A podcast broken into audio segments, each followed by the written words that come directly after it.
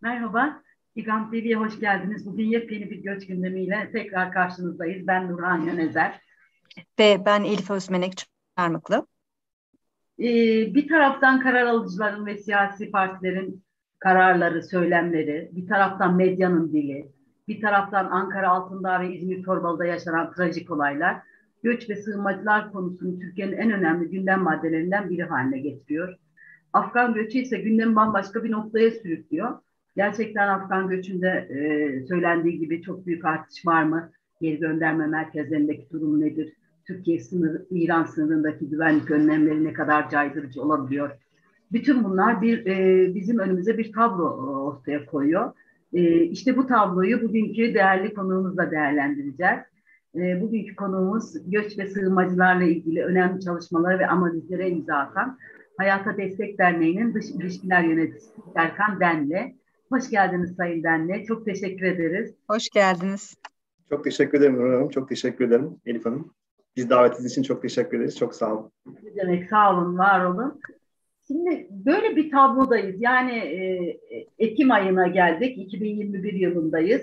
İşte Suriyelilerin göçünden beri, kitlesel akınından beri 10 e, yıl geçti. Afgan göçü başka bir yere evrildi Taliban'ın e, ülkeyi ele geçirmesinden sonra. Sizin e, bu tabloya genel bir değerlendirmeniz nedir? Nereden nereye geldik?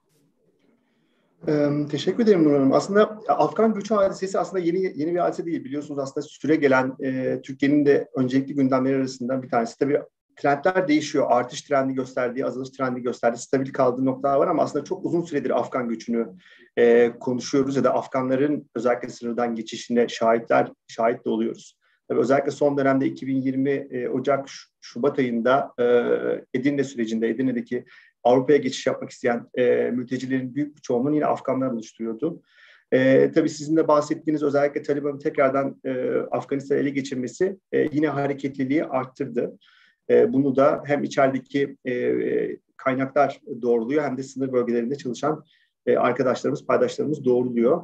E tabii orada aslında temelde e, iyi bir hayat, iyi bir çalışma hayatı, iyi bir hayat sürmek için e, Afganistan'ı terk eden ve e, İran sınırı üzerinden Türkiye'ye gelen ve Avrupa'ya geçmeye çalışan veya Türkiye içerisinde çalışmaya çalışan büyük bir grup e, var ve bu hala hazırda da e, hem Türkiye'de kayıtlı olan e, ya da işte uluslararası koruma mekanizmalarına kayıt olmaya çalışan, başvurmaya çalışan e, sayıların da e, yüksek rakamlarda olduğunu e, hepimiz biliyoruz. E, özellikle burada e, İran'ın da e, yaşadığı ambargo ile beraber e, Afganları Türkiye sınırına itmesi süreci de buradaki hareketleri de özellikle e, arttırıyor. Bunu da e, gözlemliyoruz. Tabii ki yine ekonomik koşullar, Taliban'ın tekrardan e, gösterdiği oradaki e, süreç e, bu anlamda e, hem içeride hem de sınır bölgelerinde bir hareketlilik e, oluşturdu. Bunu da e, biz de sahada e, bizzat gözlemledik tabii ki.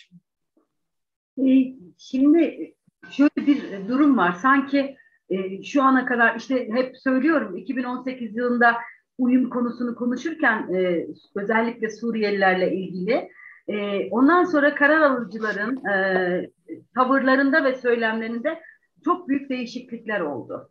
Yani sanki ve hatta medyada e, da bazı değerlendirmelerde Türkiye'nin açık kapı politikası sona erdi diye değerlendirmeler var. Siz buna katılıyor musunuz? Yani e, böyle bir hızlı bir e, uçurum mu var arada daha önceki yıllardaki uygulamalarla bu son dönemdeki uygulamalar arasında? Ya, tabii ki şimdi buradaki siyasi söylemler ya da e, hükümetin bu anlamdaki e, mültecilere dair söylemleri de çok net aslında. Bir mülteciyi daha kabul edebilecek şu anda kaynaklar ve kapasiteler yeterli değil. Dolayısıyla aslında burada geçmişte olduğu gibi bir açık kapı politikası sergilenmeyecek diye hem e, Avrupa'ya hem e, şu an Türkiye içerisindeki paydaşlara bu şekilde mesajlar gidiyor. Aslında bu uzun zamandır da sınır bölgelerinde ciddi bir hareketli bir kitlesel göç de e, zaten olmadı. Aslında bu e, geçmişte yaşadığımız gibi bir kitlesel göç e, yaşamadık. Tabii buradaki açık kapı politikasının e, devam etmeyeceği noktası da e, bu söylemlerde e, yer alıyor. Ama tabii ki buradaki ihtiyaçlar ya da işte orada göç etmek durumunda kalan, hani savaş nedeniyle farklı sebeplerle göç etmek durumunda kalan insanların hareketliliği noktasında ne gibi bir süreç izleyecek önümüzdeki dönemde? E, onu biraz aslında diplomasi de söyleyecek bize. Şu anda diplomatik e, çabaların e, ne netice vereceği e, hem İran'la hem Afganistan'daki yeni kurulacak hükümetle biraz daha buradaki e, yeni durumda e, bu şeyi, politikayı e, gösterecek. Burada Uluslararası Birleşmiş Milletler Birleşmiş Milletler İnsani Yardım Koordinasyon Ofisi'nin rakamları aslında 1 Ocak'tan Eylül ayına kadar 664 bin e, Afganların e, ülkesinden göç ettiğini söylüyor. Bu resmi rakamlar. Tabii bunun daha fazlası da var. Bu öncesinde de başlayan aslında bir e, süreç. Bu anlamda devam edecek de bir süreç gibi görüyor. Özellikle Afganistan'daki bu durumun e, çok yakın zamanda e, düzelmeyeceğini ya da iyiye, iyileşmeyeceğini düşünecek olursak e, bu tarz hareketliliklerin beklemekte e, e, beklemek ve hazırlık yapmakta önemli diye düşünüyorum. Genel hazırlık e, demişken aslında ben de tam onu soracağım. E, burada bir e, Serkan Bey kafa karışıklığı da var. Nasıl hazırlık yapılabilir? Ya aslında şimdi burada e, biz tabii yaşadığımız deneyimler üzerinden Türkiye'de bu anlamda çok fazla deneyim de biriktirdi. E, hem işte geçmiş dönemde Edirne'de yaşadığımız e, oradaki bekleyen süreçte, bunun öncesinde yine sınır bölgelerinde Hatay'da, Kilis'te, yine e, işte Suruç'ta yaşadığımız toplu geçiş döneminde özellikle e, sınırdan geçmek durumunda kalan ve hassas durumda olan insanların tabii ki ilk olarak temel ihtiyaçlara erişimi, e, burada tabii buna dair bir hazırlık yapılması çok önemli. E, barınma işte yine e, keza farklı ihtiyaçlarda özellikle ilk ihtiyaç olarak göze çarpıyor ama daha kalıcı olarak da aslında bu buradaki şeylerin durumların e, biraz daha netlik kazanması, işte burada şeylerin, statülerin, hakların, hizmetlerin bu anlamda anlaşılıyor olması, biliniyor olması da önemli. Ama tabii ki temelde aslında hazırlığımızı biraz daha acil yardım perspektifiyle biz e, şu anda yapıyoruz, hazırlıyoruz ama daha uzun vadeli anlamda baktığınız zaman da özellikle Türkiye şu an 4 milyon mülteciye ev sahipliği yapıyor. Bunun artı tabii ki şu anda 4 milyon Suriye diyoruz ama artı farklı mülteci grupları da var. Daha uzun vadeli e, planlara da ihtiyacımız var. Özellikle işte uyumu konuşuyoruz. İşte yine e, kalkınmayı, geçim kaynakları üzerine e, programları konuşuyoruz. Bu anlamda da biraz daha uzun vadeli planlar, stratejiler üretmemize fayda var. Ama tabii ki özellikle temel hazırlığımızı o insanların barınma, temel ihtiyaçlar, gıda, hijyen gibi. Tabii özellikle Covid dönemiyle beraber sağlık da önemli bir unsur. Sağlığa erişim ve temel hijyen malzemelerinin sağlanması e, ilk ilk e, anlamda öncelikli. E, burada böyle bir hazırlık sürecinde e, yer alması gerekiyor diye düşünüyorum. Burada şimdi çok önemli bir e, inceleme geziniz var sizin Hayata Destek Derneği olarak. Siz Van'da incelemelerde bulundunuz ve en son verileri aldınız orada. Önce Van'a hangi sahiple gittiniz? Yani e, nasıl bir araştırma yapmak üzere gittiniz ve sonra da sonuçlarını bir değerlendirebilir misiniz bize lütfen? Tabii ki Nur Hanım. Ee, biz 1-3 Eylül tarihlerinde tam Eylül'ün ilk haftasında e, Van'daydık. Aslında bizim e, Diyarbakır'da da çok uzun zamandır devam eden bir şeyimiz var, bir operasyonumuz, bir projemiz var. Oradan da takip ediyoruz aslında durumu. Çünkü Diyarbakır'da da biliyorsunuz Diyarbakır'da bu anlamda özellikle Afgan göçünün yoğunlukla e, yaşandığı bölgelerden bir tanesi. Oradaki sağ ofislerimiz de yakından takip ediyor ama biz ilk Eylül'ün ilk haftası özellikle bu e, şeylerle beraber sınır hareketinin arttığına dair haberlerin e, şeyiyle beraber aslında artmasıyla beraber biz de gidip sahada gözlemler yaptık. E, burada e, tabii biz çeşitli paydaşlarla görüşmeler yaptık. Orada e, sivil toplum kuruluşlarıyla, baroyla, kamu kurumlarıyla e, ve tabii yerel halkla da görüştük. Orada e, özellikle sınır bölgelerinde de incelemelerde bulunduk. E, genel olarak tabii ki şey e, özellikle yaz aylarında e, bir artış trendi olduğuna dair e, veriler bunları e, doğruluyor. Ama tabii çok büyük bir göç, bir kitlesel akın e, ya da işte sosyal medyada yayınlandığı gibi e, çok ciddi büyük bir akın e, olmadı ve on, şu anki durumda çok gözlemlenmiyor. Tabii orada sınırda güvenlik de e, artmış vaziyette e, kolluk kuvvetleri de ciddi önlemler e, alıyor bu anlamda. E, dolayısıyla buradaki şeyler e, bu şekilde. Bizim gözlemlerimizde özellikle sınırdan geçiş yapanların büyük çoğunluğu yine Afganların yüzde 90'a yakını Afganların oluştuğunda ama bunun dışında Pakistan, yine Bangladeş, İran uyruklu kişilerin de e, geçiş yaptıklarına dair e, gözlemler var. Yine tabii ki ağırlıklı olarak genç erkek nüfus zaten biliyorsunuz medyada da bu çok ağırlıklı geçiyor ama bunun yanında çocukların ve kadınların da e, yine e, sınırdan geçtiklerini e, biliyoruz. Aslında tabii ağırlıklı olarak onlar tabii biraz o coğrafyayla da ilgili. Zor bir coğrafya. O bölgeden geçiş yapmak, o göç etmek de gerçekten e, oldukça e, zor. Ama e, burada biraz basına e, genelde çocukların ve kadınların oradaki e, e, sosyal medyada ya da işte görüntülerde çok yer almadığını ama bunların da olduğunu e, özellikle hassas grupta kişilerin de olduğunu na dair biz de e, sahada gözlemler yaptık. Bunun dışında özellikle STK'larla yaptığımız görüşmelerde temel ihtiyaçlar kısmı çok ağırlıklı çıkıyor. Özellikle barınma gibi sağlık ve diğer temel ihtiyaçlara erişim noktasında ciddi anlamda Afganların ihtiyacı olduğunu e, ve tabii ki koruma sistemlerine, koruma başvuru sistemlerine erişim, tabii ki kayıt meselesi yine e, öne çıkıyor. Tabii ki acil durumlarda bir, bir miktar daha e, öncelik tanınıyor ama onun dışında e, biraz daha e, süreç zor onlar için. E, burada STK'lar özellikle tabii bu haberlerle beraber, bu ortaya çıkan medyadaki e, haberlerle beraber biraz orada sivil toplum kuruluşlarının sayısında da bir miktar artış olmuş. Tabii ki yine ihtiyaçlar daha henüz daha yine karşılanabilir vaziyette değil. Yani daha fazla proje ve programa da ihtiyaç var gibi e, duruyor. Özellikle dediğim gibi yine temel ihtiyaçlar ölçüsünde. E, bunun dışında e, bizim gözlemlediğimiz yine başka bir durum e, aslında Van'ın içinde mülteci karşıtı ve nefret söyleminin arttığına dair herhangi bir söylem ya da e, tavırla karşılaşmadık. E, yani Van, Van'ın dışı, evet Van'ın dışında ya da işte bizim e, bulunduğumuz yerlerde buna dair çok ciddi şeyler duymamıza rağmen özellikle Van, Van'da yaşayan e, yerel halktan bu anlamda e, gerçekten olumsuz bir bildirim, bir, bir nefret söylemi bir şeyde e, ile karşılaşılmadığını ve bizim bu arada yaptığımız görüşmelerde de bunlar e, ciddi anlamda öne çıktı. E, tabii ki genel olarak yani e, şeyler böyle. Biz bir durum raporu, bir durum analizi ortaya koymak istedik. Aslında ihtiyaçları tanımlamak istedik ve bu çerçevede de çeşitli projelerle orada e, müdahalelerde bulunmayı, e, özellikle o tarafta sadece Van'da değil Diyarbakır'da ve e, yine Afganların e, yüksek olduğu, e, sayısı anlamda yüksek olduğu yerlerde e, çeşitli çalışmalar yürütmek üzerine bir analiz, e, bir durum çalışması, e, durum raporu ortaya koyduk. Erkan Bey, e, giren bir Afgan'ın e, yolculuğu nasıl oluyor? Yani Türkiye içerisinde hangi prosedürlerden geçiyor? E, biraz orada da insanların kafasında bir e, tam oturmamışlık var herhalde. Direkt olarak işte ülkenin içine doğru ilerliyorlar mı, ilerlemiyorlar mı? E, Suriyelilerde olduğu gibi işte kamplara alınıyorlar, alınmıyorlar muhtemelen ama işte e, hangi prosedürlerden geçip e, Afganlar ülkeye kabul ediliyor? Şimdi aslında tabii şimdi burada da biraz daha e, teknik bir soru. bir noktada bizim e, sahada e, koruma ekiplerimiz bu, bu noktada özellikle hizmetlere erişim noktasında direkt destekte bulunuyor ama ya, genel olarak süreci şöyle özetleyebilirim. Tabii yakalanmadan eğer sınır geçildiyse bu noktada şehirlere seyahat etmek için bir seyahat belgesine ihtiyaçları var. Ya da bir uluslararası koruma statüsünde e, olmaya ihtiyacı var veya işte üçüncü ülkeye yerleştirmek için başvuruda bulunma hakkına sahip olmak için bunlara başvuruda bulunması gerekiyor. E, eğer başvuruda bir olumsuz bir sonuç çıkarsa tabii ki e, geri gönderme merkezleri üzerinden tekrardan ülkelerine geri gönderme durumu var. Eğer Türkiye'de ailesi, akrabası varsa yine seyahat belgesiyle e, yakınlarının bulunduğu bölgelere, illere gidebiliyorlar, gönderilebiliyorlar yine seyahat belgesi düzenlemek kaydıyla.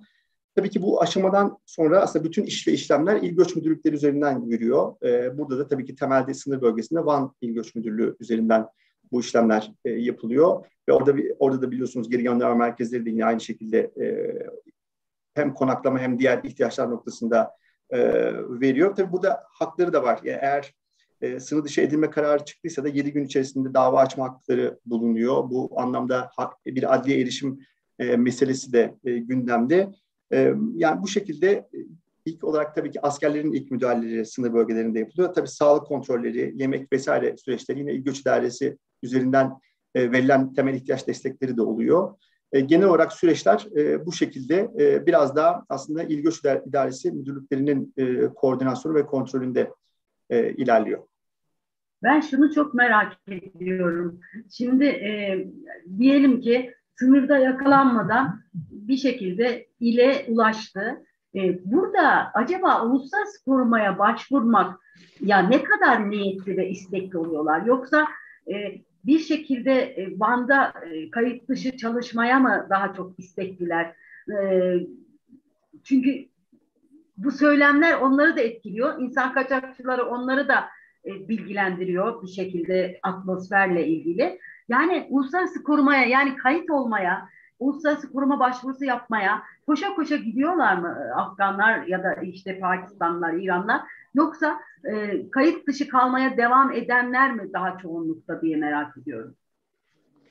Tabii şimdi buradaki gözlemler noktasında ya da işte yaptığımız görüşmeler özellikle biz Edirne sürecinde çok daha yakın e, onlarla görüşme ve ve hani bu anlamda e, fikir alışverişinde bulunmuştuk. Orada aslında Türkiye bir noktada transit ülke şeklinde aslında burada kayıt olmadan Avrupa'ya geçiş noktası olarak biraz da Avrupa'ya geçme umudu olan ya da oraya yerleşik geçmeye olan nüfusun daha ağırlıklı olduğunu gözlemliyoruz ama Türkiye'de çalışmak isteyen bir e, kesimde var tabii ki. E, bunlar e, hali hazırda e, uluslararası koruma mekanizmalarına dahil olmadan özellikle işte e, daha çok çobanlıkla böyle dağlık kesimlerde, kırsal kesimlerde çalışan ağırlıklı olarak Afganların olduğunu gözlemliyoruz kırsal bölgelerde. Ama bunun dışında e, diğer hizmetlere erişim noktasında tabii ki uluslararası koruma önemli bir statü. Evet. E, temel hizmetlere erişim noktasında. E, buraya da başvuru, rağbet var ama oransal olarak daha çok e, galiba ağırlıklı olarak yani bizim de en azından sahada gözlemlerimiz biraz daha burada e, kayıt ve süreci yürütmeden aslında biraz daha Avrupa'ya e, geçmek özellikle Yunanistan üzerinden Avrupa'ya geçmek üzerinden bir planla gelen ağırlıklı e, gruplar var ama Türkiye'de çalışmak özellikle yani temel amaç burada sosyoekonomik olarak e, iyi bir iş sahibi olmak Türkiye içinde ya da Avrupa'da e, motivasyon genel olarak bu yönde oluyor. Peki şimdi bu sınır güvenliğinin siz orada gözlemlemişsinizdir tabii ki. Bu sınır güvenliğini artırmak e, ve bu konuda gerçekten e, hem İçişleri Bakanı çok açıklama yaptı hem başka bakanlar çok açıklama yaptı. Burada e, sınır güvenliği gerçekten caydırıcı bir şekilde arttı mı Türkiye'de o, o sınırda? E, nasıl gözlemlediniz? Bizim yaptığımız gözlemlerde evet ciddi anlamda özellikle duvar, e, o sınır bölgesindeki duvarın e, örülmesi noktasında ciddi bir çalışma vardı. Özellikle orada tel örgü, işte elektronik kuleler, İHA'lar e, ciddi anlamda orada bir e, sınır bölgesinde bir çalışmanın olduğunu gördük biz. Oradaki güvenlik güçlerinin sayısında da bir artış e, gözlemledik. Tabii çok sınıra yakın bölgelerde e, yani çok da yaklaşamıyorsunuz biliyorsunuz hani güvenlik neticesinde. Ama genel olarak tabii ki buradaki e, şeylere bakıp baktığınız zaman İçişleri Bakanlığı'nın bilgilerine de baktığınız zaman, verilerine baktığınız zaman orada bir artışın olduğu, özellikle sınır bölgedeki güvenliğe dair bir artışın olduğunu e, kendileri de zaten e, yazılı olarak beyan ettiler. E, burada bir artış bizde zaten yaptığımız görüşmelerde de e, bu artış neticesinde de bir miktar özellikle e, şeyde bir azalmanın da olduğunu e, şu an için şu döneme kadar rakamlara da baktığınız zaman aslında yine Göç Dairesi Genel Müdürlüğü'nün paylaştığı rakamlara da baktığınız zaman mesela 2019 dönemi daha ağırlıklı, 2018-2019'lar evet. daha yoğunluklu bir geçişin ya da bu anlamda yakalanan sayısı da Afganların daha ağırlıklı olduğu sayılar daha yüksek görünüyor. 2020'ler yakın şu anda 2021'in rakamları şu, şu dönemki rakamlar aslında 2020'ye yakın bir noktada duruyor. E, dolayısıyla aslında çok da e, büyük de bir e, şu an için hani bir kitlesel göç de e, söz konusu değil gibi duruyor. Evet. Bunu e, böyle e, evet bizim diğer konuklarımız da böyle değerlendirdi ama bazı konuklarımız şunu söylüyordu. Bu böyle e, kalmayacak. Kış ağırlaşana kadar e, çok daha faz, faz, fazla bir e, göç akışı e, olabilir e, deniyor ama e, sanki sizin söylediklerinizden böyle bir emare görülmüyor, böyle bir e, öncü bir gösterge yok gibi geldi bana. Şimdi şöyle aslında biraz e, en başta da değindim. Biraz oradaki diplomatik temaslar ve Türkiye'nin de içinde olduğu özellikle Türkiye'nin de yürüteceği temaslar da biraz ö, önem kazanıyor. Özellikle orada İran'ın tutumu da çok önemli e, bu anlamda e, diye düşünüyorum. E, genel olarak aslında evet bu bunu söylüyoruz ama tabii ki oradaki Afganistan'daki duruma bakınca da e, yani hani oradan e, Türkiye'ye bir göçün artış göstermemesi de yani çok o, o, olası da durmuyor. Bir baktığımız zaman oradaki evet. durum da çok iyi, iyileştiğini söylemeyiz. Eko, çökük bir ekonomi var. Yine aynı zamanda e, daha hükümetin kurulması süreci ve oradaki karışıklık yine e, biliyorsunuz çeşitli kırılgan toplulukların biraz daha zor bir süreçten geçtiği bir dönem tekrardan Taliban'ın e, şeye gelmesi, e, ele geçirmesi, hükümeti alması. Dolayısıyla aslında e, burada biraz diplomasi e, şey verecek. Ama tabii ki bu anlamda sınır güvenliğinin artması, oradaki e, tutum, Türkiye'nin tutumu e, biraz e, bu anlamda e, yakın dönemde en azından çok büyük bir kitlesel göçün e, olmayacağını söylüyor. Ama bir yandan da ihtiyaçlar oradaki e, duru, özellikle kırılgan toplulukların ihtiyaçları veya işte göç etme durumuyla beraber de e, tekrardan sınır bölgesinde bir hareketlilik, bir e, akın olma durumu da e, olası. Bu da ihtimaller dahilinde bence bunu da düşünmek e, gerekiyor diye düşünüyorum. Çünkü orada da e, durum e, şu an için en azından e, çok iyi bir noktada durmuyor. Demin söylediğiniz e, nefret söylemiyle ilgili söylediğiniz şey benim dikkatimi çekti. Hani e, birebir karşılaşmadık dediniz. Oysa ki Türkiye'nin genelinde e, ciddi bir e, Suriyeli karşıtlığı, işte e, göçmen karşıtlığı, mülteci karşıtlığı e, havası var gibi artıyor gibi. E, siz neye bağlıyorsunuz e, bunun daha böyle ılımlı bir havada karşılanmasını o bölgede?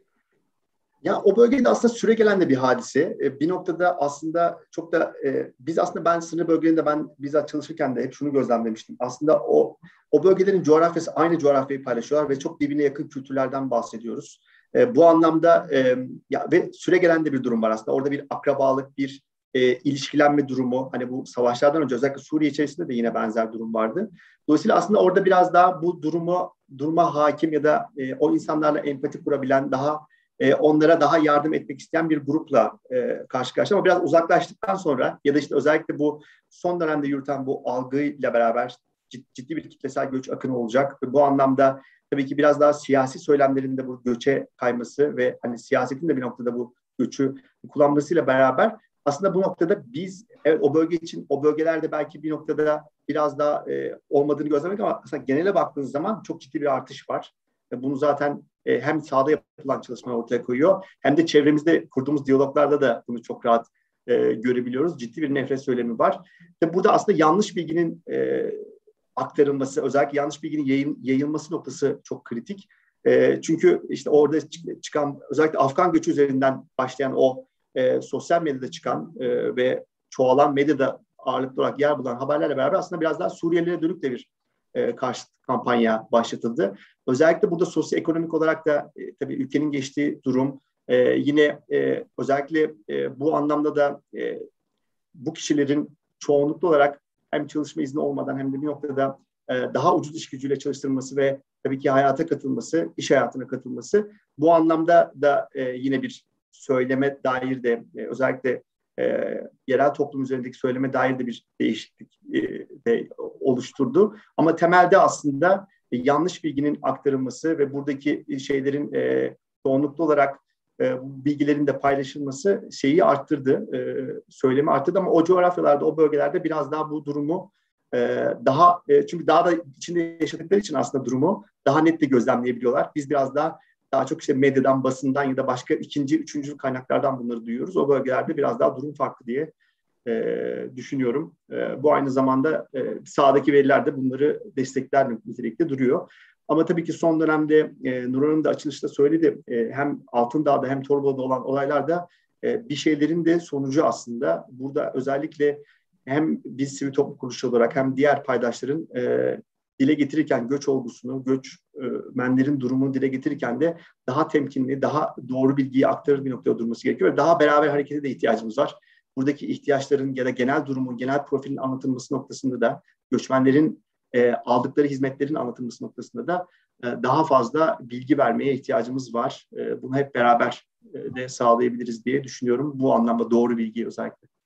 Aslında tam onu soracaktım ben de siz STK'lardan bahsederken gerçekten bu son dönemde özellikle iktidarın böyle açık kapı politikasını bırakma söylemleri, muhalefetin nefret dilini körüklemesi, medyanın buna yönelik yayın yapması, e, o e, aslında STK'ların hem önemini artırıyor hem yalnızlaştırıyor onları.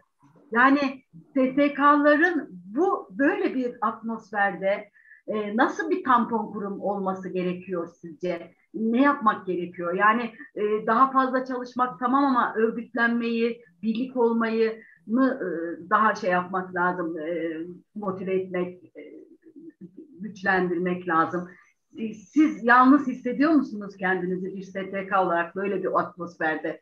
Çünkü inatla direniyorsunuz ama direnirken de zorlanıyorsunuz böyle bir atmosferde. Hani nasıl bir pozisyon almak gerekiyor? Ya bence aslında sivil toplumun kendi arasında ağ kurması, e, daha örgütlenmesi bence ya özellikle bu ve bunun gibi birçok noktada çok önemli diye düşünüyorum. Tabii ki burada tabii ki STK'ların kendi kurumsal olarak yaptığı çalışmalar var, savunuculuk çalışmaları var. Çeşitli e, çalışmalar yürüyor. Çeşitli kampanya çalışmaları oluyor. Ama burada beraber hareket çok önemli. Özellikle sivil alanda beraber, hareket çok önemli. E, biraz da aslında bizim daha somut önerilerle de gitmemiz gerekiyor. Özellikle karar vericilere, siyasi partilere bu anlamda ya da medyaya, kamuoyuna doğru bilgilerle, politik önerileriyle ya da genel durumu daha iyi anlatmamız gerekiyor diye düşünüyorum. Çünkü biz bu anlamda e, sahada, sahadaki kişiler olarak daha yakından görüyoruz bunları, daha yakından gözlemliyoruz. Onları daha iyi aktarmamız gerekiyor ve öneriler sunmamız gerekiyor. Aslında biraz daha stratejik yaklaşmamız gerekiyor olaya.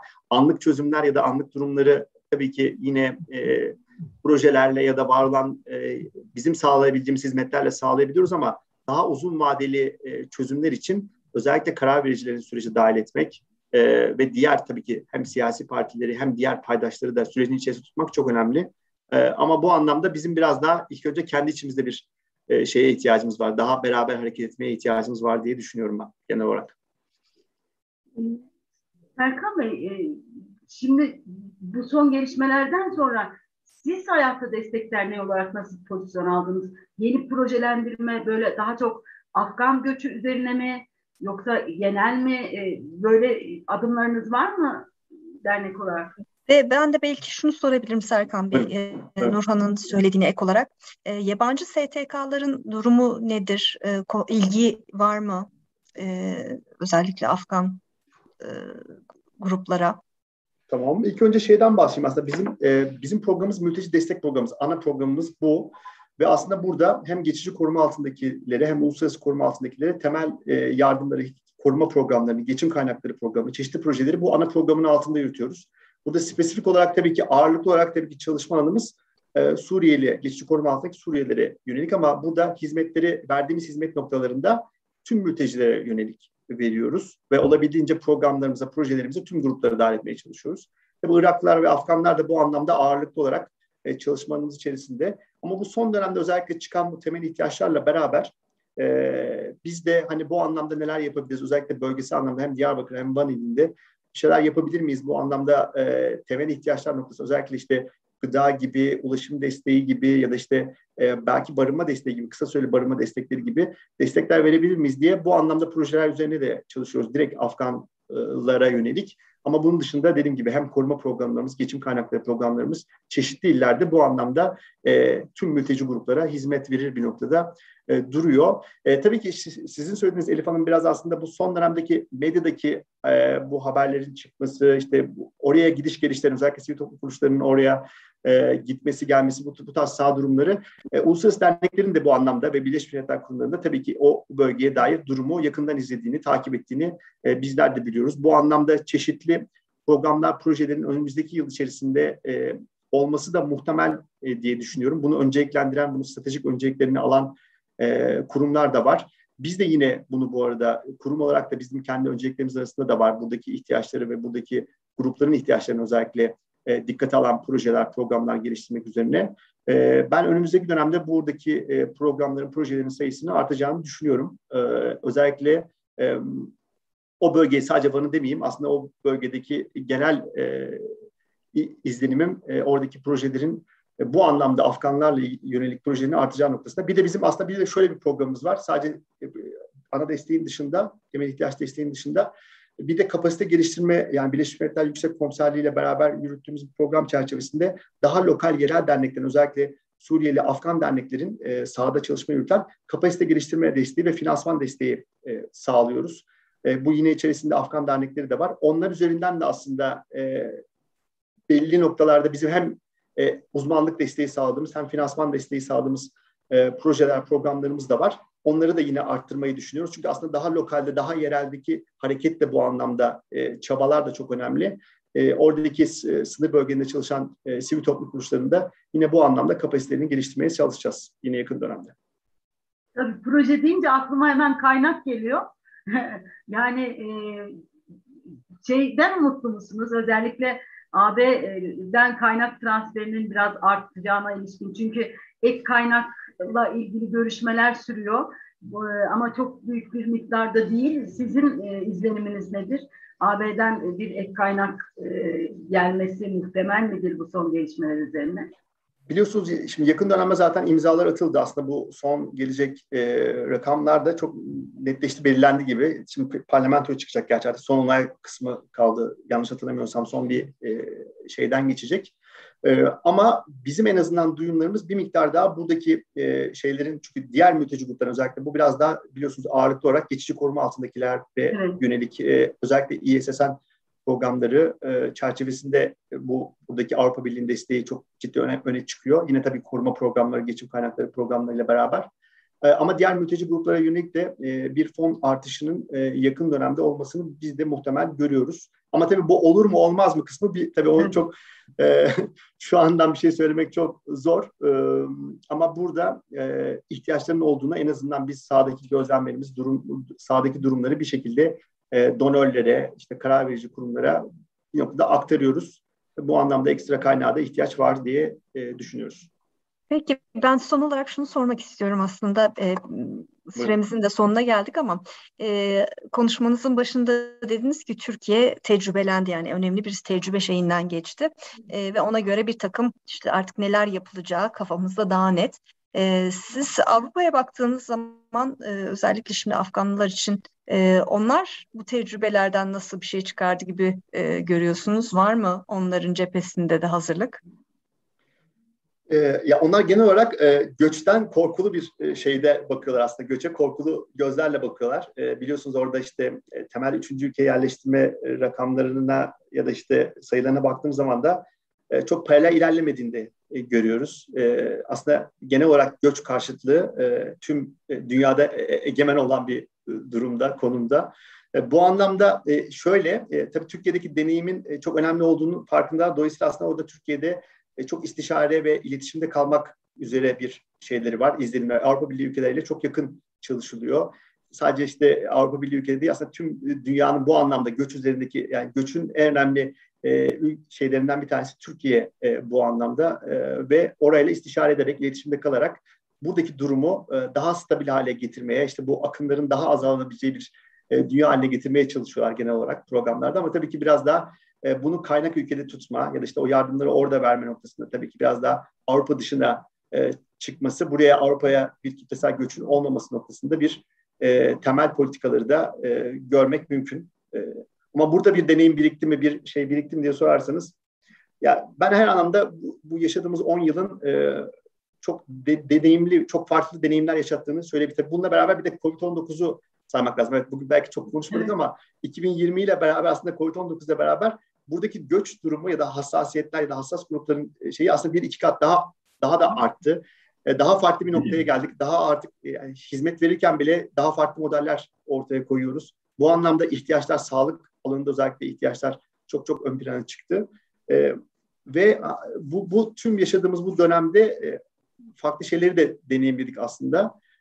Bilmiyorum hani biraz daha şey kısmında, e, göç kısmında e, bir sorumluluk paylaşımı olacak mı? Daha gerçekten hani Avrupa Birliği ülkeleri de diğer ülkelerde bu anlamda bir paylaşım yapacaklar mı? Çok e, işin aslı çok şey düşünmüyorum. Yani burada çok pozitif düşünmüyorum. Ama bir, bir şekilde buraya destek verme, işte proje desteği sağlama ya da fon desteği sağlama noktasında bir devamlılık arz edecek gibi duruyor. Ama bu ne kadar devam edecek ya da buradaki e, politikaları daha uzun vadeli nasıl planlayacağız? E, bunu biraz daha önümüzdeki günler e, bize söyleyecek. Umut ediyoruz biz de yani bir noktada buradaki insanların ihtiyaçlarını karşılayabildiği e, ve iyi şartlarda yaşayabildiği bir e, dünya, bir çevre sunmak üzerine biz e, sivil toplum kuruluşları olarak çalışmaya devam edeceğiz. Umut ediyoruz ki desteği hem Avrupa Birliği ülkelerinden hem diğer ülkelerden hem bizim e, ülkemizin sağlayacağı desteklerle bunları yapabiliriz.